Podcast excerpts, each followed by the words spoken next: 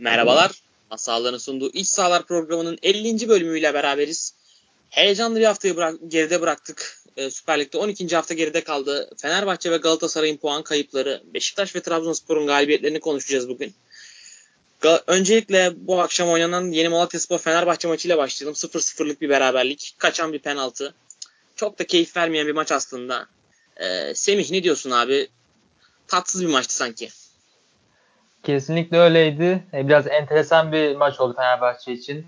E, Max Kruse'nin yokluğu, Vedat'ın sakatlanması, e, milli araya giderken yaşadığı sakatlıklar, sonra e, gidememesi ve devam etmesi. Tam herkes Melut'ten bir performans bekliyordu. Onu görmek istiyordu herkes. Melut de sakatlandı. Çok şanssızlık oldu. Üst üste geldi her şey. Böyle olunca da ilginç bir kararla Alper'i biz en ileri uçtaki adam olarak gördük bu maçta. E, çok fazla alternatif de yoktu aslında. Herkes eleştiriyor Alper neden vardı anlamında. Ama yani o olmasaydı eğer oynatılmasaydı ilk 11'de e, ya Mossora'ya kaydırılacaktı ya da Niyazais'i görebilirdik.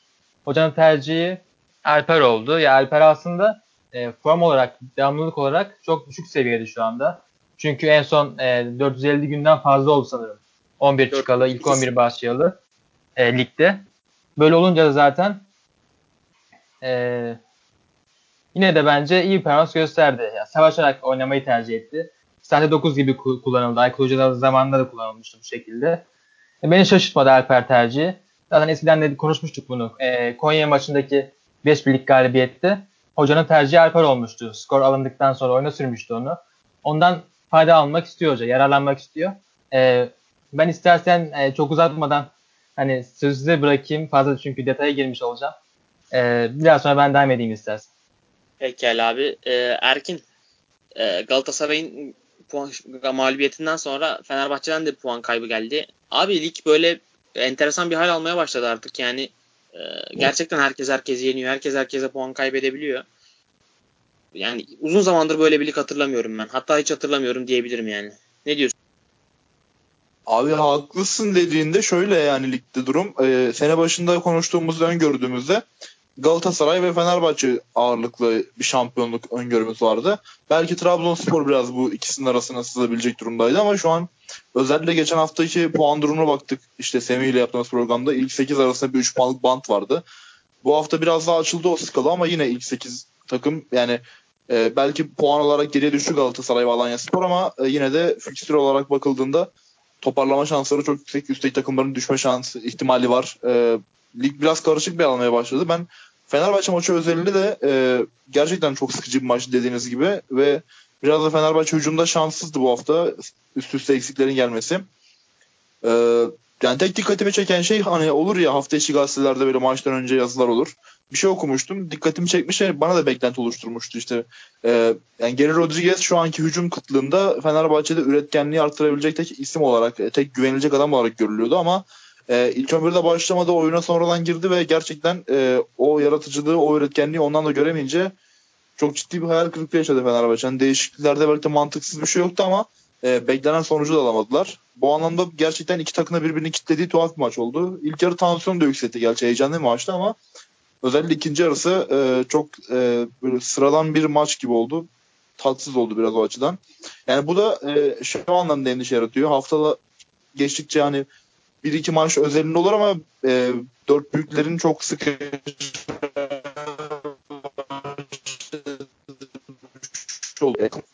biraz artık ters köşe olacak gibi ligin durumu bu sene. Kesinlikle öyle abi. Ya ben de şöyle bir maça bir hani genel bakış atayım. Ee, abi yani Emre Belözoğlu'nun öncelikle kaçırdığı penaltı hani yani yeni Malatyaspor'un deplasmanda oynuyorsun. Böyle hani Malboros'una penaltı atarmış rahatlığında penaltı kullanması Emre Belözoğlu'nun beni biraz şaşırttı açıkçası ki hani Emre Belözoğlu benim için penaltıcı konumunda.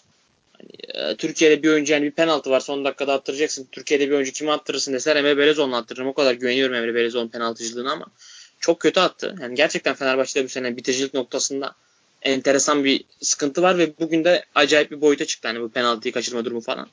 Ya ben Fenerbahçe'de şeyi anlamıyorum abi. Bu, bu Deniz Türüç hani neden Ersun Yanal bu kadar hiç düşünmüyor? Yani bu iki buçuk milyon euro bonservis verip aldığım bir oyuncu. Yani Moses artık hani son, son 30 dakika düşmüş yavaş yavaş.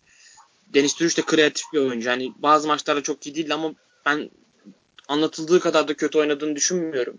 Hiç hiç hiç hiç kullanmadı. Hiç e, C planı, D planı bile olmadı bu maçta. Çok genelde de olmuyor zaten. Ben hiç anlamıyorum bu Deniz Türüç konusunda Ersun, Ersun Yanal'ın bu kadar hızlı vazgeçmesini.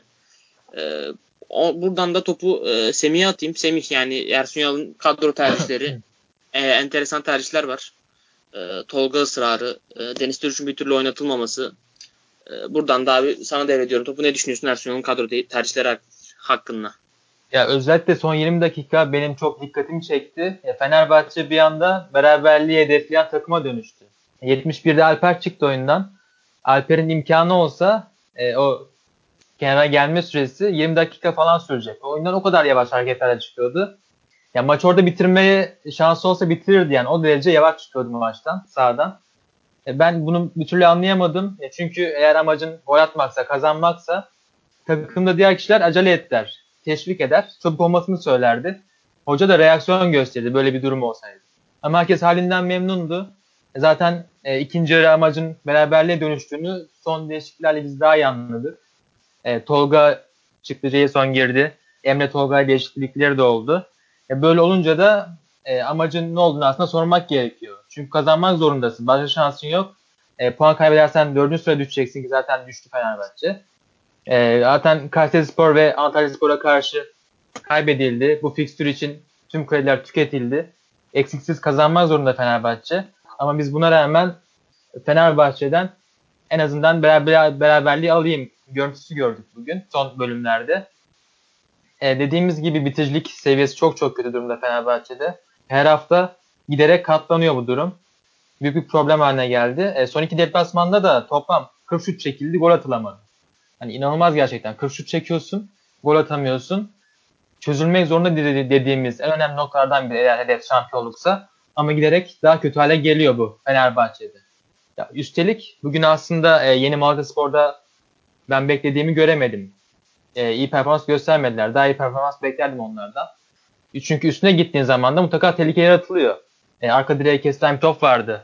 E, Tolga Ciğerci'nin kötü vuruş yaptı. Gol atamadı. Benzer pozisyonlar evet evet mutlaka yakalanacaktı. Eğer üstüne gideseydi biraz da e, ben daha iyi performans beklerdik Fenerbahçe'den. Gol ben bekliyordum. Eğer e, oyuna Zayt alınabilseydi ya da Ferdi olsaydı ya da Deniz Türüç olsaydı. E, çünkü oyuna e, Jason'un alınması, Tolga'nın alınması hiçbir anlam ifade etmiyor. Sanki Fenerbahçe öndeymiş de skoru koruyormuş gibi hamleler yaptı hoca. E, 96'dan aldı zaten son değişiklik, son değişikliği de o zaman yaptı. Yani tam bir beraberlik haline geldi maç böyle olunca. E şimdi kredi tüketmiş durumda Fenerbahçe. Haftaya da İlhan Palutlu Göztepe'ye konuk olacaklar. E, İlhan Hoca'yla da e, çıkışa geçmiş takım var. 3 maçta ligde kaybetmiyor Göztepe. Zaten elinde kredi de kalmadı artık. E, puan kaybetmemek zorundasın. Orada takılırsan, bir puan kaybedersen, pardon bir puan alırsan e, belki de ya 7. bitireceksin hafta ya da 8. bitireceksin. E, ilk 8 bu kadar yakınken e, devre arasına mutlaka minimum puan kaybı da girmez zorunda Fenerbahçe. Böyle olunca da e, bu kadar borç vermişlik, neyse en azından bir puan aldım demek hiçbir anlamı ifade etmiyor. E, giderek e, kötüleşiyor Fenerbahçe'nin durumu. Ya abi şöyle bir durum var. Yani Türkiye'de var, Fenerbahçe'de daha çok var. Ya Ersun Yanal normalde yani e, birinci önceliği oyun dominasyonu olan bir hoca. Ama Ersun Yanal'ın bile bu sene artık şeyi bozuldu. Psikolojisi bozuldu. O gerilimden artık o bile şeye çekildi. E, yani Antalya Spor maçına dört tane ön libero özellikle oyuncuyla başlaması. Bu maçta çıkardığı kadro, yaptığı değişiklikler falan normal değil. Korkuyor adam çünkü sürekli başına kötü bir şeyler geliyor. Talihsiz bir şeyler geliyor. geri çekiliyor. Baskıyı kaldıramıyor. Baskıyla mücadele edemiyor bence Ersun şu anda. Gerçekten bu çıkardığı hani önlemli kadrolar çok fazla tedbirli kadrolar da biraz onun göstergesi. Ee, yani Türkiye'deki bu şeyden ben çok rahatsızım. Hani ölüm kalım maçına çıkıyoruz. Bu maçtan puan alalım. İşte sonrası gelir. Son, iyi oyunu sonra oynarız. Bu maçtan bu maçta işte yeter ki biz bir puan alalım bir şekilde vesaire vesaire. E, bu şekilde oldukça bir oyunu oturtamıyorsun. İlk baş Fenerbahçe sezonun ilk başında hocanın takımın kafası rahatken ne kadar güzel futbol oynuyor, ne kadar iyi futbol oynuyordu. Şu an nasıl bir futbol oynuyor? Yani e, normal değil. Normal değil bu durum kesinlikle. E, herkesin bir kendine gelmesi lazım. Fenerbahçe'nin hani daha ligin bitmesine çok var. Daha şampiyon olacaksın veya olmayacaksın oralara çok var. Sen futboluna bak. İyi futbol oyna. Elinden gelenin en iyisini yap. Kafan rahat olsun öncelikle. E, o olur mu bu olur mu taraf neden vesaire burada acaba yenilir miyim diye düşünme. Sen abi çıkarabildiğin en iyi kadroyu çıkar. Kendi futbolunu oyna. Nasıl ligin en dişi takımlarından bir Başakşehir deplasmanında nasıl sen e, Deniz Türüç, Kuruze, Geri hepsini birlikte oynattıysan bu Yeni Malatya deplasmanında da yap. Yani aynı kadro yoktu ama tam geri yedek tuttum burada da. Yani artık e, hocanın Ersun Yanal'ın kendine güvenmesi, takıma güvenmesi, e, o eski kimliğine kavuşması lazım. Yoksa e, bu gerilim durumu onun için daha çok sıkıntı olacak ileride. Ya bence şöyle bir nokta da var. Onu da ekleyeyim istersen. Galatasaray deplasmanı bu konuda bence milat oldu. Dört tane e, defansif yön ağırlıklı orta sahayla çıktı deplasman Fenerbahçe. O maçtan sonra e, o maçta puan kaybedildi. Ama öyle bir algı yaratıldı ki doğru oyun oynanmış gibi e, takım iyiymiş ama şanssızlıkla kaçırmış gibi bir hava oluştu. Hoca buna devam etti. Sonra diğer maç Antalya maçı senin dediğin gibi. O maçta da kaybedildi. Ya süreç öyle bir hale geldi ki e, Kayseri maçından sonra, kaybedilen Kayseri maçından sonra İstihada Fenerbahçe Kasımpaşa ile oynadı. E, Kasımpaşa 10 kişi. Ona rağmen neredeyse puan kaybediyordu. 3-2 çok zor yendi. Aşırı zorlandı. Bu haftaya geldiğimiz zaman da yine aynı problemleri görüyoruz. E, hoca, hoca eğer kendi doğrusundan vazgeçerse uzun maratonda Fenerbahçe'yi biz sürekli takılırken göreceğiz. E, kendi güvendiği doğrulanda devam etmesi gerekiyor e, Ersun Hoca'nın. Kesinlikle abi. Ya e, bu çift ön libero olayı yani e, orta sahayı tedbir alma olayı zehir gibi. Yani böyle başlarda çok tatlı geliyor sana. Oynatmaya başlıyorsun. Bakıyorsun 1-0 kazanmışsın. İşte eskisi kadar pozisyon vermiyorsun. Daha mücadeleci bir takım oluyor gibi geliyor başlarda. Fenerbahçe bunu çok yaşadı. Başka takımlar da yaşadı. Sonra bir bakmışsın abi bu yavaştan yavaştan yavaştan da zaten artık Galatasaray maçına e, geçebiliriz. Galatasaray içerideki 41 maçlık galibiyet serisi, e, 41 maçlık yenilmezlik serisi daha doğrusu bu maçta sonuçlandı. E, bu da çok iyi bir maç değildi aslında. Bu da biraz e, sıkıcılığa kaçan bir maçtı. Bunda Okan Buruk'un kadro tercihi de çok etkili oldu. 3 tane e, 6 numara özellikle oyuncuyla sahaya çıkması biraz enteresandı. E, Erkin abi sen de başlamak istiyorum. Yani 3-5-2'li bir Galatasaray. Yine aslında bence Galatasaray fena olmayan, fena bir futbol oynamadı bu maç için. Ama e, bozulan bir seri. Ne diyorsun abi? Abi şöyle öncelikle çok mu şaşırdım? Hayır çünkü e, Galatasaray biliyorsunuz milli aradan çok kötü etkilendi e, sakatlık anlamında. Bundan dolayı ben e, yani böyle 1-0 2-1 çok zor kazanılacak bir galibiyet için böyle 40 takla atacak bir moddaydım bir Galatasaray taraftarı olarak ama e, yenilgiyi de beklemiyordum. Ben beraberlik bekliyordum maçtan. Yani şey tuhafıma gitti Galatasaray'da. E, ya bir beklenti var, rotasyon beklentisi vardı. O biraz zorunluluktan oluştu. Ben açıkçası bundan dolayı çok şikayetçi değildim. Belki e, işte şans bulan Emre Taşdemir'in e, yani Ahmet Çalık'ın biraz daha Adem Büyük'ün de buna dahil olduğunu düşünürsek daha iyi oynayabileceğini düşünüyordum ama hani onların oyunları e, takım olarak Galatasaray iyi mücadele etti. Onu inkar edemem ama e, beklediğim seviyede olmadı bu maç özelinde. Bir de Galatasaray'da ciddi bir e, kanat anlaşmazlığı daha doğrusu oyun olarak kalite farkı yaşandı. Şöyle e, şimdi sağ tarafta Mariano birçok maçın aksine bu sefer daha çok çaba gösterdi. Daha iyi top oynadı ama Fegül'den destek göremedi. E, sol kanatta da Emre Taşdemir e, Ömer Bayram'ı destekleyemedi. Ömer Bayram orada biraz daha e, çabayı sırtlanmış olduğu için yani yine Galatasaray'ın kanat oyunu olmadı. 3-5-2 ile merkezden de oynayamadı e, bu haftaki oyun. Çünkü yani stoperler zaten zayıf kaldı. O geriden oyun kuramadı Galatasaray. Marka haricinde konuşuyorum. Marka bir nebze iyiydi ama Ahmet Çalık'la Donk'tan hiçbir performans göremedik bu anlamda. E, forvetler dediğimizde Babel'le Adem Büyük e, yani yoklar oynadılar yine. Şu an tüm isimleri tek tek herhalde yorumlamış oldum Galatasaray'da ama e, dediğim gibi yani şey anlamda bir hayal kırıklığı oldu. Ben rotasyondan sonra daha iyi bir tepki bekliyordum Galatasaray'da. Daha büyük mücadele bekliyordum. Hani yenilse bile bir şekilde hani yenildiğin, yenilmesine rağmen kızılmayan bir eleştirilmeyen bir Galatasaray oyunu bekliyordum. Hani çok kötü değildi ama beklediğim kadar da iyi değildi. Yani çünkü Şampiyonlar Ligi var, Türkiye Kupası gelecek falan derken Galatasaray bu e, sakatlıklarla ligden kopabilir gibi görünüyor.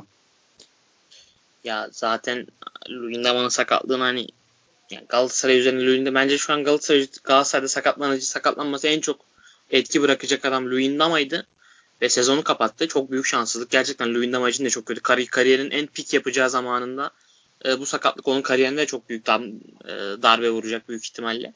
Yani ben bu yaz Luyendama'dan böyle e, ciddi bir satış bekliyordum açıkçası Galatasaray'dan Luyendama ile birlikte böyle onlar 15'ler belki daha büyük miktarlar bekliyorum. Çünkü gerçekten bu sene inanılmaz bir seviyeye çıkmıştı. Onun sakatlığı çok üzücü oldu ve takımı da çok etkiliyor onun sakatlığı. Ee, Semih, e, Semih abi sana şöyle geleceğim. Yani Okan Buruk ben aslında Başakşehir'in maçta reaktif değil daha çok aktif bir oyun oynayacağını düşünüyordum. Oyunu kontrol edeceğini düşünüyordum. Ama Okan Buruk böyle düşünmemiş. Ben biraz aslında Başakşehir kazanmasına rağmen Okan Buruk'la ilgili biraz hayal kırıklığına uğradım. Ben Okan Buruk'tan daha böyle e, kontrolü ele alan, daha maçı domine etmeye çalışan bir oyun bekliyordum. Ama o da biraz herhalde arenada Galatasaray'a karşı oynamanın vermiş olduğu hisle daha tedbirli bir oyun tercih etti. Ne diyorsun abi? Ya şimdi aslında e, Muslera'nın olup olmaması çok büyük etken olmalıydı e, hocanın tercihlerinde e, Başakşehir açısından. E, çünkü kalede Okan Koçuk varken çok daha rahat e, pozisyon yakalayabilen, e, pardon çok daha tehlikeli şut atabilecek, çok daha rahat gole ulaşabilecek bir Başakşehir biz beklerdik açıkçası. Herkes gibi ben de şaşırdım hocanın bu kadar tedbirli olmasına. Ya bana şöyle geliyor ki zaten Galatasaray'da bir sürü eksik var. E, Luyendama da yok. Ben onu biraz tutayım, kontrol elimde götüreyim. Net pozisyon vermeyeyim. E, zaten bir şekilde golü bulurum düşüncesindeydi hoca. Çok daha rahat bir galibiyet gelebilirdi aslında eldeki kadro gücüne baktığımız zaman. E, çünkü yedekler bile mükemmel derecede. Elia olsun, Gulbrasson olsun zaten oyuna geldi golünü attı. Robinho olsun. Çok daha rahat Başakşehir e, tehlike pozisyonlar yakalayabilirdi. Ama bunun yerine hoca daha kontrolün elde olduğu e, bir oyun tercih etti. Ya Başakşehir'de müthiş bir ime var. E, giderek de gelişmeye devam ediyor. Zaten takımın kimyasından, oturduğundan, e, oyuncuların oyuncular arasındaki uyumu seviyesinden bahsetmiştik geçmişte de. Bu giderek gelişiyor. E, ilk iki haftaki ilk iki haftada kaybetmişlerdi. E, iki mağlubiyetle başlamışlardı. O yenilgiler sonrasındaki 10 maçta son 10 maçta kaybetmediler ligde ve devam eden en uzun seri durumunda. Başakşehir'in bu yükselen performansı. Giderek daha da iyi olacaktır. E, Alex için sakatlıkları e, bu aralar can sıkıyor. E, geçmişte de olmuştu bu. E, geldiğinden beri iki kere üst üste sakatlıklar geçirdi. E, o da takım uyum sağladığında daha iyi bir Başakşehir göreceğimize ben eminim. E, bu sezon bence son raddeye kadar, son e, günlere kadar, son haftaya kadar Başakşehir yarışın içinde kalacak gibi gözüküyor. Harika bir, harika bir oyun oynuyorlar. E, bu performans bence sürecek. Kesinlikle öyle. Başakşehir'le doğru orantılı olarak dediğin gibi bence performans sezon başına göre çok yükselen biri de var. E, Mert Günok. Yani bu maçta da bence çok kilit bir rol, kilit bir faktör oldu. Çok kritik iki tane kurtarışı vardı yine. Ve e, Mert Günok bazı kurtarışları gerçekten çok basit gösteriyor. Yine bence bu Lemina'nın şutunda Adem Büyük'ün işte araya girmesiyle verdiği reaksiyon çok iyiydi. Ee, o da yani vaat ettiği per, potansiyeli artık ulaştı kariyerinin bir noktasında. Ee, onun açısından da çok olumlu ilerliyor sezon ve artık milli takımın da kalecisi zaten iki senedir. Ee, Mert Günok ayrı parantez açılmayı hak etti bu maçta. Ee, ama ben Okan Buruk'tan abi şeyi bekle yani şey ya yani Galatasaray'da Galatasaray'da Luyendama yok abi. Ee, Muslera yok. Ee, Falcao Andone zaten yok. Forvet yok takımda. Sen iki tane isabetli şut atıyorsun bütün maç boyunca. İki tane ya. iki tane. En fazla üç tanedir. Yani daha e, daha çok şans yaratman lazımdı ki bence Galatasaray'ın hani e, bu maç çok şey bir maçtı. Atan alır maçı oynandı. Bence Okan Buruk'un bir atan alır maçı oynamaması gerekiyordu bu maçta. Ben Okan Buruk adına gerçekten hayal kırıklığına uğradım. Yani Okan Buruk tamam kazandı. Güzel yani iyi de fena olmayan bir planı da vardı ama ben bir seviye daha yukarısını bekliyordum ondan. Ama Okan Buruk olduğu için bir seviyesi daha yukarısını bekliyorum. Çünkü Okan Buruk gerçekten benim gözümde şu an Türkiye'nin en çok şey vaat eden teknik direktörü. Ee, yani bu maçı kazanmasına rağmen bu 3 tane 6 numarayla çıkması beni biraz şey yaptı açıkçası. Hayal kırıklığına uğrattı bu maçta. Ee, neyse e, Galatasaray'dan Galatasaray'dan devam edelim. Ee, Erkin yani bu 3-5-2 sisteminin artık sen e, sezon sonuna kadar götüreceğini düşünüyor musun Galatasaray'ı? Çünkü hani dörtlü stoperde de e, Marka Ahmet ikilisiyle çıkmak biraz riskli olacak gibi Fatih Terim açısından. Abi kesinlikle öyle. Luyendama'nın yokluğu bitirdi yani dediğin gibi senin de. Yani Galatasaray'ın gerçekten mesela oyun maçın başlama saatinden birkaç saat önce sakatlık duyuruldu. Ben o ana kadar çok pozitiftim maçla ilgili. Hani bu kadar sıkıntıya rağmen çok pozitif düşünüyordum. Ama o gerçekten yani taraftarın psikolojisini bozacak derece kötü bir sakatlık oldu. Öncelikle onu söylemiş olayım. Onun dışında dediğin gibi yani E, şu anda stoper anlamında Galatasaray e, çok ciddi bir e, tedbir almak zorunda. Bu yüzden dediğim gibi Ahmet Çalık ya mesela Gazişehir'in maçında çok beğendiğimiz Ahmet Çalık bu sefer gerçekten çok eleştirilecek bir durumdaydı. Hiçbir varlık gösteremedi. Belki de hani oyunu berbat etme önüne götürmüş müdür? Onun da o konuda bir şey diyemem ama Galatasaray e, böyle bir oyun oynasa biraz geriden oyuncuların bir şey yapması gerekiyor. Ahmet Çalık hiçbir varlık gösteremiyor. Tamamen yani nasıl tarif edeceğimi bilmiyorum. 90 dakika orada geçirmeye gelmiş gibi bir e, pozisyondaydı Ahmet Çalık. Bunun dışında Galatasaray'da ya biraz da artık hani e, iş bu noktaya geliyor Galatasaray'da konuşacak. Yani biraz artık dizilişler, futbolcu performanslarından öte ben biraz artık bu maçta e, genel olarak bir tepki gösteremesem de genel olarak çok ciddi bir tepki gösteremesem de bu maç üzerinde Fatih Terim'in anlamadığım birkaç şeyi vardı. Onları değinmek istiyorum şu an. Abi birincisi şöyle ki yani çöz, çözmeye çalıştığın iyi gitmeyen maçta 74 dakika boyunca oyuncu yapmak için bekliyorsun. Yani Feguli'nin o performansla 74 dakika oyunda kalması ayrı bir sıkıntı. E, gol yedikten sonra yani Nagatomo ve Berhanda gibi bu sezon defalarca kez denediğin ve hiçbir iş yapamayan adamları yani hiçbir iş demeyeyim tabii bu kadar ağır konuşmak da olmaz ama yani 1-0 geriye düşmüşsün. Zaten kaybedecek bir şeyin kalmamış. 10 tane sakatım var. Takım şu an kaybetse bile kimse yadırgamayacak. O noktaya gelmiş maç zaten. 1-0 geriye düşmüşsün. Ve yani Enzonzi şans bulamıyor şu takımda. E, Taylan Antalya'da hala bir kadroya giremiyor. Yani seri niye bu kadar çabuk kesik yiyor? Yani değişiklikler niye bu kadar geç yapılıyor Galatasaray'da? Bunları bilmiyorum. Yani yani hocanın bir açıklaması vardır herhalde ama henüz taraftarı ya da futbol severi tatmin etmiş bir durum değil bu. Yani o noktaya varamadık şu an. E, Fatih Terim'le taraftarlar olarak ya da futbol severler olarak. Bilmiyorum yani, yani bir şeylerin değişmesi gerekiyor Galatasaray'da. Sadece dizilişle ilgili bir şey değil. Yani hocanın da artık biraz e, radikal karar alması gerekiyor. Yani şu takımda artık bu kadar e, rotasyon çağrısı yapan durum içinde bile hala hoca işte Berhan'da ve Nagatomo'ya güveniyorsa bilmiyorum. Biraz sıkıntı var gibi geliyor bana. Ya Emre Mor değişikliği de bence kötü değişiklik. Yani e, orta sahanı da daha güçlendirmen yavaş yavaş takım oyunda, oyundan düşmüşken e, Emre Mor'u oyunu alıp Feguli yani tamam Feguli'yi çıkarabilirsin ama Emre Mor'u oyunu almak ki Emre Mor bence girdikten sonra neredeyse bir kişi eksik oynattı Galatasaray. Çok çok kötüydü yine bence. Ya Buruk'un da... kesiyorum ama ya Emre Mor zaten e, golün öncesinde topu kaybeden kişiydi. Hani halı sahada yapılmayacak hareketi yap, yaptı devamında top kaybedildi. Sonrasından gol geldi. Yani Emre yoklar oynamaya devam ediyor. Her hafta da üstüne koyarak mı devam ediyor. Yani çok büyük hayal kırıklığı taraftar için. Ondan çünkü Fatih Hoca'nın altında, onun çatısı altında e, performansını geliştirip takıma katkı vermelerini bekliyordu herkes.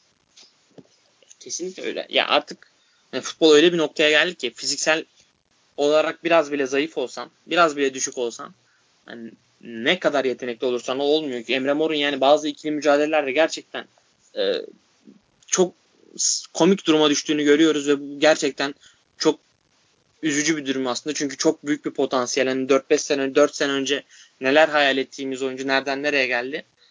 Ee, çok üzücü bir durum. Ya buna ben de bir şey eklemek istiyorum ayrıca. Hani bu Emre Mor'un transferi sürecinde aslında Fatih Terim geldiği günden beri bir Emre Mor ısrarı var. Böyle bir kamuoyunda bir taraftarların belli bir kısmında. Özellikle sosyal medyadaki taraftar hesaplarında. Yani bunun işte yani sosyal medyanın taraftar baskısının biraz da böyle hani geçmiş hesaplanıp bak Fatih Terim'le Euro 2016 döneminde iyi performans göstermişti demenin etkisinde çok alıyoruz. Şimdi buna benzer bir şey olacak. Yani çok konu dışına sapmak istiyorum ama mesela Arda Turan konusunu şimdi gündeme getiriyorlar. Bilmiyorum yani Galatasaray bir hatada öyle yaparsa Emre Mor 2 olacak gibi görünüyor. Bu tarz transferlerin artık uzak durması gerekiyor bizim dört büyüklerin ya. Bilmiyorum artık tamamen potansiyel çıkarması gerekiyor. Bir şeyleri geçmişe sırtını dayamaması gerekiyor bence. Özellikle yerli oyuncu konusunda. Kesinlikle öyle. Ya abi Galatasaray'ın ben şeyi kabul edemiyorum. Yani milli takım bu kadar iyi bir jenerasyon yakalamış. Hani bu kadar çok iyi yerli oyuncu var piyasada. Ya bir tanesi bile Galatasaray'da değil ya. ya Galatasaray'ın başında Fatih Terim var ki hani ülkenin en kariyerli hocası yani en ağır ismi ülkenin hani Fatih Terim deyince akan sular duruyor. Bir tane bile potansiyel yakalayamadın mı ya sen bu genç kadrodan, bu, bu yerli jenerasyondan? Bir tane ya. Yani hep isimli oyunculara gitti Galatasaray son iki senedir. Hep isimli oyunculara kiralık vesaire. Sen Ozan Kabak'ı sattın.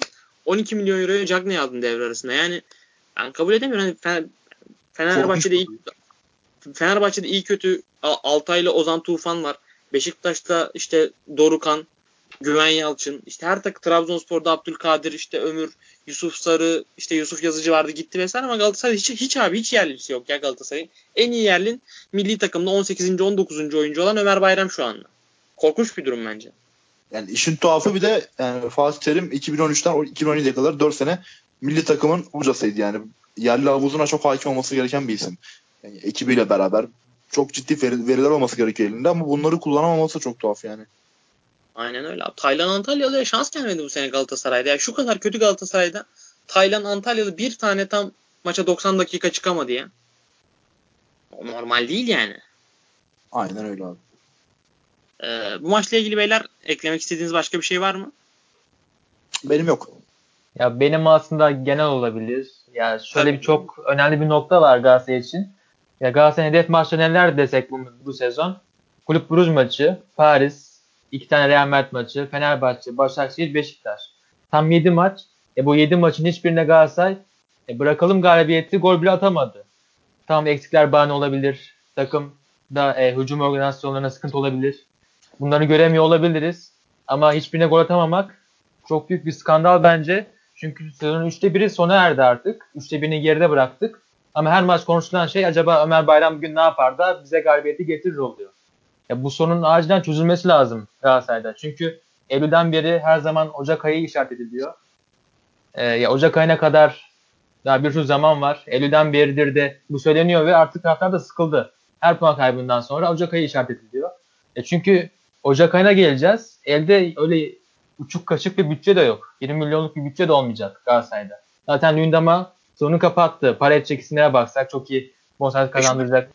İşin kötü stoper de alman lazım. Elde bir şey. Dinliyorum abi seni. Sesin gelmedi de bir daha söyler misin? İşin kötü stoper de alman lazım şu anda. Kesinlikle öyle. Ya böyle bir durumda zaten e, Marco'yu gönderemezsin. Hoca ona mutlaka e, sahip çıkmak zorunda. Feguli Hoca yine göndermez. Son iki sezonda şampiyonluklarda her zaman bir şekilde katkı verdi. E, yine performansını yükselecektir. Belanda'ya bakıyoruz o da zaten süre alamıyor. Bonservisini yükseltemiyor bu bölümde. E, böyle olunca sürekli Ocak ayı Ocak ayı demek. E, Ocak ayında Arda gelirse bu kadar işaret ettikten sonra herkes isyan eder bence. Erkin Arda konusuna ne diyorsun abi? Abi çok netim bu konu Twitter'da da söyledim. Ben Arda Turan'ın Galatasaray'da yani iş yapacağına yüzde bir bile inanmıyorum. Hadi onu geçtim. Ya hani çok ben böyle şey değilim hani işte ilkeli duruş, taraftarlık, işte güzel insan falan filan o tribe girmeyi istemiyorum. Mesela Burak Yılmaz şu kadar eleştirilen adam gelsin Galatasaray'da yine 15 tane gol atsın sevinirim desteklerim. Çünkü az ya da çok hatalar olmuştur ama yani Arda Turan kadar Arda Turan çok başka bir kategori ya. Ben yani ne oyun olarak ne profil olarak, kişilik profil olarak Galatasaray'da görmek isteyeceğim bir adam değil. Ya bitmiş bir adamsın futbol olarak da ayrı bir konu da. Erkin çok haklısın. Bugün haberlerde gördüm. Ben haberlerde gördüm. Ee, Arda açıklama yapmış sanıyorum. Demiş ki e, amacım Galatasaray'da futbolu bırakmak demiş. Öyle haberler vardı. Bunları gördük bugün. E, eğer Arda e, ben şunu yapmak istiyorum, şöyle katkı vereceğim, şu kadar asist yapacağım, takımı yukarıya çekeceğim dese tamam gelsin diyebilirim. Örnek olarak çok kötü durumda ama şu an PTT'si belki de e, seviyesi pardon PTT seviyesinde ama e, biz ondan ne duyabiliyoruz e, dinlersek futbolu Galatasaray'a bırakmak istiyorum. Yani böyle bir argümanla Galatasaray'a gelmek zaten skandal olur, rezillik olur. Aa, ee, tamam. Onun vereceği bir şey kalmadı bence futbola.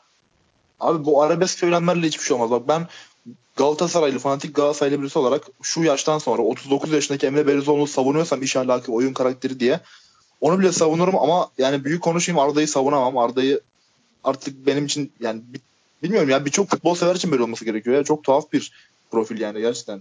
Ya, futbolu bırakmış bir adam sen bence Arda Turan. Nerede bırakacak daha Galatasaray'da? Ya aynen öyle yani Arda futbolu bırakmasa da futbol artık Arda'yı bırakmış yavaş yavaş ki Arda da 32 yaşın 32 yaşında bir oyuncu. Arda'nın şu fiziksel halini görüyorsun abi. Yanına Emre Belezoğlu'nu koyuyorsun. 39 yaşında bir adam. Neredeyse 40 yaşında. Arada 7 sene var. Arda Turan korkunç bir halde şu anda ya. Ko- korkunç yani. Şu anda Arda Turan e, Arda Turan olmasa eğer bir PTT birincilik bir takımında bile zor sözleşme alır. Şu haliyle. Korkunç bir durumda şu anda. Ya üstelik Galatasaray maçında son dakikada oyuna girdi 87'de. E niye böyle bir değişiklik yapıldı ben hiç anlam veremedim. 1-0 öndesin. E, hani skoru korursun ya da ikinci atıp bitirmek istersin. Yedeklerde Robinho gibi isimler var. Elia var. Ama yine de Arda oyunu aldı hoca. Hiç anlam veremiyorum ben bu kararlara. Abi ben de hiç anlamadım. Trabzonspor maçında da mesela Arda Turan oyunu almıştı Başakşehir. Son dakikada yemişti mesela Arda Turan yine rezalet bir maç oynamıştı. Yine aldı. Garip ya ben anlamıyorum yani. Neyse yavaştan kapatalım isterseniz maçı. Tamamdır. Tamam. Ee, Beşiktaş maçına da Beşiktaş'a doğru geçelim. Konyaspor deplasmanında 1-0'lık bir e, galibiyet. Bilmiyorum Semih bana katılır mısın ama şu an 12. haftanın 12. hafta itibariyle momentumu arkasına en iyi almış 3 büyükler arasında takım Beşiktaş. Şu an momentum tamamen onlarda. Yeni başkan. Yakalanmış bir seri. Oyun müthiş bir oyun yok. Ama ardarda arda galibiyetler. Ee, güven duyulan bir hoca. Şu an Beşiktaş'ta işler iyi gidiyor.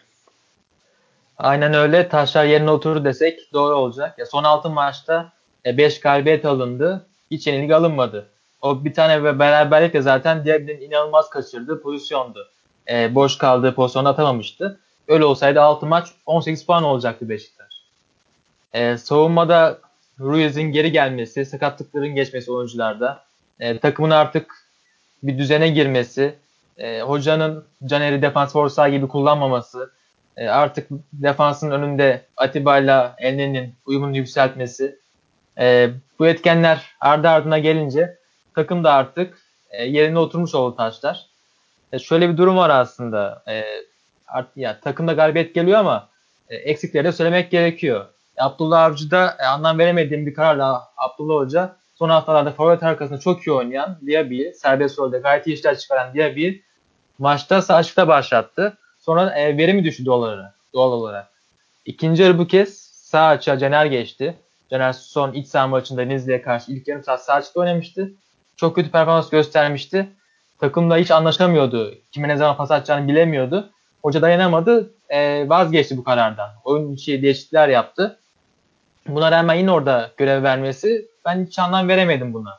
Çünkü Caner'i bu performansla sağ açıkta kullanmak bence e, büyük risk ve büyük bir hayalcilik olur. E, artık ben bunu yapmaz sanıyordum. Hoca dersini çıkarmıştır diye düşünüyordum.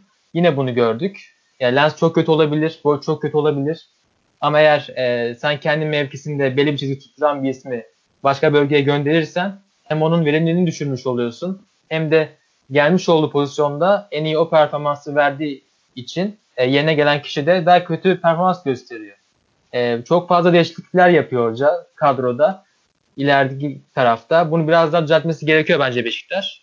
E, çünkü son 10 maçın 9'unda ilk yarıda gol bulamadı Beşiktaş.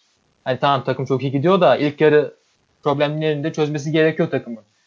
E, skoru ele alması gerekiyor. Burak Yılmaz da golü attı. Çok kaliteli vurdu. Ustaca vurdu. Ya eğer sen böyle bir maçlar oynuyorsan, çok zor deplasmandaysan pozisyonu yakaladığın zaman da bitirmen lazım. Burak Yılmaz bunu yaptı. Takımına puanı kazandırdı. E, Fenerbahçe'de işte böyle sorunlar var. Bitiricilik sorunları var. Elde Burak Yılmaz var Beşiktaş'ta. Hani bazen çok net pozisyonlar kaçırabiliyor ama e, müthiş bir bitiricilik seviyesi var. Bunu da kullandığı zaman da e, takımda bütün olumlu hava yukarıya çık- çıkmaya devam ediyor. Galibiyetler de geliyor. Ya Beşiktaş önü çok açıldı. E, artık zaten tek maçlık fark kaldı liderler arada. Beşinci sıraya da yükselildi. Fenerbahçe'de puan eşitlendi. Ya takımda her şey çok iyi gidiyor. Ben bunun devam edeceğini düşünüyorum. Zaten Kayseri Spor'la oynayacaklar gelecek maçta. Sonra Kasımpaşa maçı var ligde. E, takımın çok iyi fikstürü var bu bölümde. Her şey e, güzel, güzel giderken daha da galibiyetler gelecek bence. Ya ben Beşiktaş şu an gal galibiyet serisi yakalamış durumda. Ama ben bu oyunun e, yani nasıl diyeyim şampiyon yapacak bir oyun olduğunu hala inanmıyorum Beşiktaş'ta. Ama sen saha için çok güzel özetledin abi. Bir de şöyle bir şey var çok kritik bir nokta. Abi yeni yönetim yani oyuncuların yönetime inanması, parasını alacağına inanması e, yani boşa oynuyormuş hissinde olmaması gerçekten hani şu futboldaki abi en önemli şey yani Türkiye gibi böyle maaş konusunda sıkıntılı bir ülkede yaşıyorsan, e, oynuyorsan en önemli şey. Çünkü abi futbolcu e, parasını alamayınca e, saha içinde teknik direktör ne kadar şeyi doğru yapmaya çalışsa da ikna edemiyorsun. Oyuncuyu kendine ikna edemiyorsun. Geçen sene Şenol Güneş bunun sıkıntısını çok yaşadı Beşiktaş'ta ilk yarıda devamında. o, sonrasında biraz toparladılar ama yani bunun sıkıntıları hep Beşiktaş'ta yaşandı. Bu sene artık Ahmet Nur Çebi'nin geldiği gelmesini anladığım kadarıyla pozitif bir hava var camiada. Oyuncular yönetime inanıyor. Bir hani Fikret Orman yönetiminde artık şey olmaya başlamıştı diye biliyoruz. Yani oyuncular bir muhatap bulamıyordu karşısında. Artık oyuncuların iletişim kurabileceği, kurabileceği futbol takımıyla ilgilenen yöneticiler var. Ve bu futbol takımındaki havayı da çok e, öne çekiyor ki Gal mesela Galatasaray'ın hani bu kadar çok başarılı olmasına son yıllarda ne kadar çok eleştirsek de çok etkili Abdurrahim Albayrak. Çünkü o futbolcularla olan o iletişimi çok şey değiştiriyor sağ dışında. E, Beşiktaş'ta da bu durum çok etkili oldu. E, Erkin abi sen neler sen ne eklemek istiyorsun Beşiktaş'la ilgili? Abi ben biraz genel konuşmak istiyorum. Bu maçla ilgili çünkü çok böyle e, abi. şeylerim yok teknik ama Beşiktaş'ın e, yani son maçlardaki çıkışı yani iyi oyun tabii ki yok şu an. Şampiyonluk için yeterli bir oyun kesinlikle yok. Ki bence şampiyonluk için yeterli bir oyun hiçbir takımda yok şu an. O çok soru işareti bende.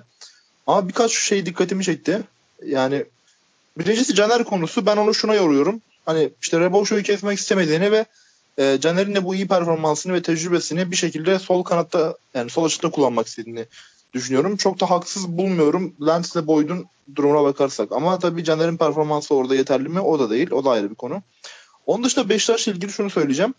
Ee, yani şöyle önümüzdeki 5 maça bakıyorum. Ee, geçtiğimiz 4 maçtan daha zor değil bence Beşiktaş için. Fenerbahçe deplasmanı hariç ama yani bu e, yakalanan olumlu havayla ve senin Burak'ın dediği gibi e, Fenerbahçe ve Galatasaray'a göre daha mental olarak güçlenmiş bir Beşiktaş'ın Kadıköy'de de ben e, belki de bir puan alabileceğini düşünüyorum ve eğer bu senaryo gerçekleşir Beşiktaş önümüzdeki 5 maçta bir 13 puan alır ve e, belki de ilk yarı lider bitirirse bu e, hem de elindeki tecrübeli oyuncuların e, katkısıyla hem de devre arası yapılacak hamlelerle bir anda hiç beklemiyken şampiyonluk adayı olabilecek gibi görünüyor. Genel olarak söyleyeceğim Beşiktaş'la ilgili. Bilmem siz katılır mısınız? Yani mesela Trabzon'da bunun örneği Sosa'dır. Fenerbahçe'de Emre Belezoğlu'dur. Beşiktaş'ta da Atiba yani korkunç bir şekilde 36 yaşından fazla sanırım ama hala müthiş top oynuyor. Hala mükemmel mücadele ediyor. Çok e, yani doğru oynuyor. Harika bir ivme katacaktır. Atiba'nın bu oyunu düzenli bir hale getirmesi ki şimdiye kadar da zaten Beşiktaş'ın öne çıkan isimlerinden biriydi. Bilmiyorum siz nasıl düşünüyorsunuz? Ya abi çok haklısın abi. Atiba dersene şey oluyor fark ettiyseniz son 3 sezondur. Hani artık şey diye başladı, başlıyor son 3 sezondur. Beşiktaş. Hani artık bu sene artık Atiba'dan çok fazla yüksek performans beklememek lazım. İşte yani Atiba'yı biraz daha rotasyon oyuncusu olarak konumlandırmak lazım diyorsun. Bakmışsın sezon devamında takımın en kritik oyuncusu yine Atiba olmuş. Müthiş bir adam gerçekten yani. Yani e, bu kadar hani profesyonellik, iş ahlakı, vücut bulmuş hali gerçekten ben acayip saygı duyuyorum. Yani e, eklemekte istediğiniz bir şey yoksa Trabzonspor'da geçebiliriz ufaktan. Siz bilirsiniz. Geçelim Benim... bence. Geçelim abi. Ee, Ankara gücü deplasmanında 3-0'lık bir galibiyet. Rahat bir oyun, rahat bir maç. Ee, güzel bir galibiyet. Ee, Semih, abi öncelikle seninle şu konuyla ilgili başlamak istiyorum. Sörlot e, nerede görüyorsun? Hani sen anladığım kadarıyla e, Sörlot'u e, Türkiye'de şu an oluşan olumlu hava kadar hani sen Sörlot'u çok beğenmiyorsun gibi geliyor bana. Ya Sörlot'a bakış açım biraz aslında e, orta yani %70'lerde. Ya ama zaten onun hakkında söylenen en çok şey e, çok gol kaçırdı. Girdiği pozisyonlarda zorlar atıyor. Kolayları çok kaçırıyor Sörlot. E, zaten e, hepsini alsa buraya gelmezdi. Onları kiral onu kiralamazdı takımı. E, ben e, bu her hafta daha da ilerleyen performansında beklentileri aştığını düşünüyorum. Zaten ilk geldiğinde bu kadar büyük bir etki ondan kimse beklemiyordu. Zaman geçtikçe çok daha iyi bir hale geldi Sörlot. E, biz zaten bunun meyvelerini de görüyoruz. E, 12'lik maçında 13 isabetli şut çekti. 7 gol attı. 3 asist yaptı Sörlot. Hani gayet iyi performans. E, zaten yıllık aldığı ücret de düşük. 6 milyon euroluk bir galiba e, bonservisi alma hakkı var Trabzon. 2 senelik kiralama sonrasında. Ya bu ilerleyen süreçte bence Sturridge ile yoldan ayrılacağını düşünüyorum. Sörlot'la uzun vadeli bir anlaşma yapılacağını düşünüyorum. Çünkü e, Sturridge'in bir sakatlığı var. Bir türlü geçmek bilmiyor. Bir maç oynuyor, iki maç oynayamıyor. Böyle bir devam eden süreç var. E, Sturridge Türkiye Ligi'ni neden tercih etti soruların bence en iyi yanıtı bu galiba. Onda e, bir sakatlık var ve çok düzelecek gibi de gözükmüyor. E, Trabzon'a gelirsek bu maçta genel anlamda yani. Trabzonspor 17 maçlı gol atıyor. Ligin en uzun süreli gol atma başarısı aktif devam eden arasında. Bu mükemmel bir veri. E, şimdiye kadar ama öne çıkmıyordu. Niye çıkmıyordu dersek de takım 16 maçtır arka arkaya gol görmüştü. Kulüp tarihinin en kötü verisiydi bu. En kötü serisiydi. E, Alanya maçında buna son verilmişti. son oynanan Alanya maçında. Üstte iki maçta gol görülmemiş oldu. Hem Alanya maçında hem bu son oynanan e, Ankara gücü maçında gol görülmedi. E, böyle olunca da e, gerçekten sorundan üstüne gidildiğini, Ünal Hoca'nın buna çalıştığını biz çok net görmüş olduk. Çünkü uzun zamandır konuşuyoruz. Trabzonspor ceza sahası içinden en fazla şut gören takımlardan. Sürekli e, kalede gol görülüyor. Maç kazanmak için iki gol atmak zorunda kalıyor takım. E, bu sorun biz çözüldüğünü görüyoruz. Takımdaki en büyük sorun da buydu zaten. E, olumlu anlamda bir gelişmeler görüyoruz. İki maçta gol görülmüyor zaten. E, Trabzon için bence en değerli nokta buydu. E, daha da iyi olacağını gösteriyor Trabzonspor her açıdan. Ünal Hoca'nın e, bu kadar net şekilde bu sorunlara yönelmesini ben çok takdir ediyorum. Harika iş çıkarmaya devam ediyor. Kesinlikle öyle. Çok yani büyük bir iş çıkarıyor Ünal e, Karaman ve Trabzonspor hani e, şu anda onlar da e, Beşiktaş gibi momentum yakalamış takımlardan biri. E, Trabzonspor'da hani işler gerçekten e, iyi gidiyor ve Ankara Gücü deplasmanında alınan 3-0'lık galibiyet de e, kolay görünmesine rağmen zora dönüle, zora dönebilecek bir maçtı. Ona rağmen e, iyi kopardılar. Yusuf Sarı'nın bu maçta çok etkili bir performansı vardı bence. Ben onu çok beğendim ki sezon başından beri çok kendini gösterememişti. E, gerçekten bu maçta beğendim ben onu. E, Erkin sen neler söylemek istiyorsun abi Trabzonspor'la? Abi benim Sonra... Trabzonspor'la ilgili geçen hafta biz e, konuşurken ondan önceki hafta özür dilerim. Göztepe maçından sonra hani artık resmen üçümüz böyle isyan etmiştik Trabzonspor'un defansif problemine, gol yeme zaafına. Ama bunu iki maçtır çözdüler ve gerçekten e, bu konuda Semih'e katılıyorum. E, bir önlem alınmış ve yani mesela bu maçta yani Kampi'de Hüseyin Türkmen'de güven verdiler. Yani belli görev adamı olarak iş yaptılar. Trabzonspor'da şunun, şu da var. Yani belki Ankara çok zayıf bir e, profilde profilleri ve senaryo da öyle gitti. Ankara gücü kırmızı kart gördü, kötü oynadı, e, yetersiz kaldı ama yani işte dediğim gibi mesela Trabzonspor benim gözümde e, yani şu sakatlıklarına rağmen kadrosundaki bütün oyuncularına, ilk 11'e çıkan bütün oyuncularından e, standartın bir tık üzerine verim alsa bile şampiyonluğun büyük adayı olabilecek bir takım ama hani mesela Sörlot'un bir gol bir asist performansı var. Bu adam ya hiçbir şey yapmıyor ya da bir gol bir asist, iki gol bir asist oynuyor. Değişik bir profil. Yani bunları e, bu maç özelinde başardılar. İşte Vakayemen'in iyi performansı, Yusuf Sarı'nın iyi performansı. Bunu Beşiktaş maçında da iyi başarmışlardı. Gazişehir maçında da iyi başarmışlardı ama öyle bir maç geliyor ki Göztepe maçı başaramıyorlar. Haftaya Galatasaray maçı var ne olacağı belli değil. Yani oyuncuların e, maçtan maça değişen ve pozisyona özel değil direkt oyunun özelinde değişen perform- performansları oluyor. Hani bu anlamda Trabzonspor bunu aşabilirse mesela dünkü maçta yani kötü oynadı diyebileceğim adam yok. Ee, Birçok isim öne çıktı. Ee, Mikel, Sosa, Vakayeme, Sörlot, Yusuf Sarı dediğin gibi yani maçın belki de yıldızı olabilecek kadar çabaladı. Ya bilmiyorum oyunun şey lazım yani önümüzdeki hafta çok ciddi bir ölçü maç oynayacaklar. Galatasaray'la oynayacaklar. Ee, orada biraz daha görülecek ama Trabzonspor dediğin gibi yani bundan sonra e, lig olumlu şekillenme ihtimalini gördüm. Beşiktaş ve Sivasspor'la beraber 3 takımdan biri. E, yukarıya doğru yakalayacak potansiyel gördüm 3 takımdan biri durumunda. Bu da onun başlangıcı olabilir bu maç. Yani öyle bir serinin yani Alanya maçı biraz da sıkıntılı bir maçtı. O yüzden onu saymıyorum ama bu maçtaki daha üstün performansı bu anlamda başlangıç olarak e, görebiliriz ilerleyen zamanlarda. Kesinlikle öyle abi. Yani güzel özetledin Trabzonspor'u. E, beyler bizim bizim benim size genel bir sorum olacak. Hani Fener e, maçlarla alakalı değil. E, tüm yani büyük takımlarda Fenerbahçe'de, Galatasaray'da, Beşiktaş'ta, Trabzonspor'da bu kadar çok sakatlık problemi olması, bu kadar fazla sakat olması yani sizce e, Türkiye'de yerli hocalar e, bir şeyleri yanlış yaptığı için mi oluyor bu durum?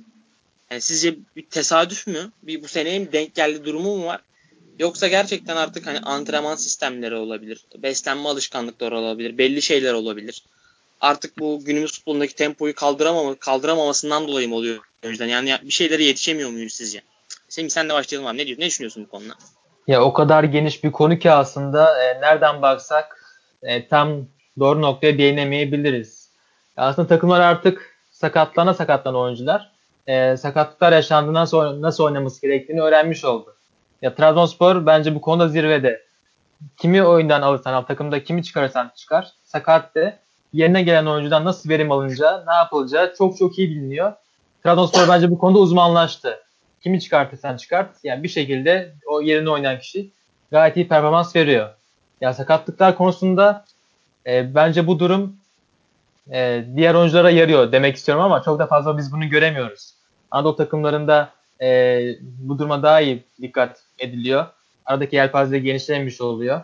Ya normalde aslında böyle şey olmaması lazım. Tam Galatasaray 3 günde bir maç oynuyor diyebiliriz. E, Avrupa maçları var diyebiliriz. Diğer takımlarında, e, Avrupa'da oynayan takımların. Ama diğer takımlarda da bunun olması, Fenerbahçe'de mesela e, bunların yaşanması e, çok mantıklı değil. Çok anlamlı gelmiyor bize.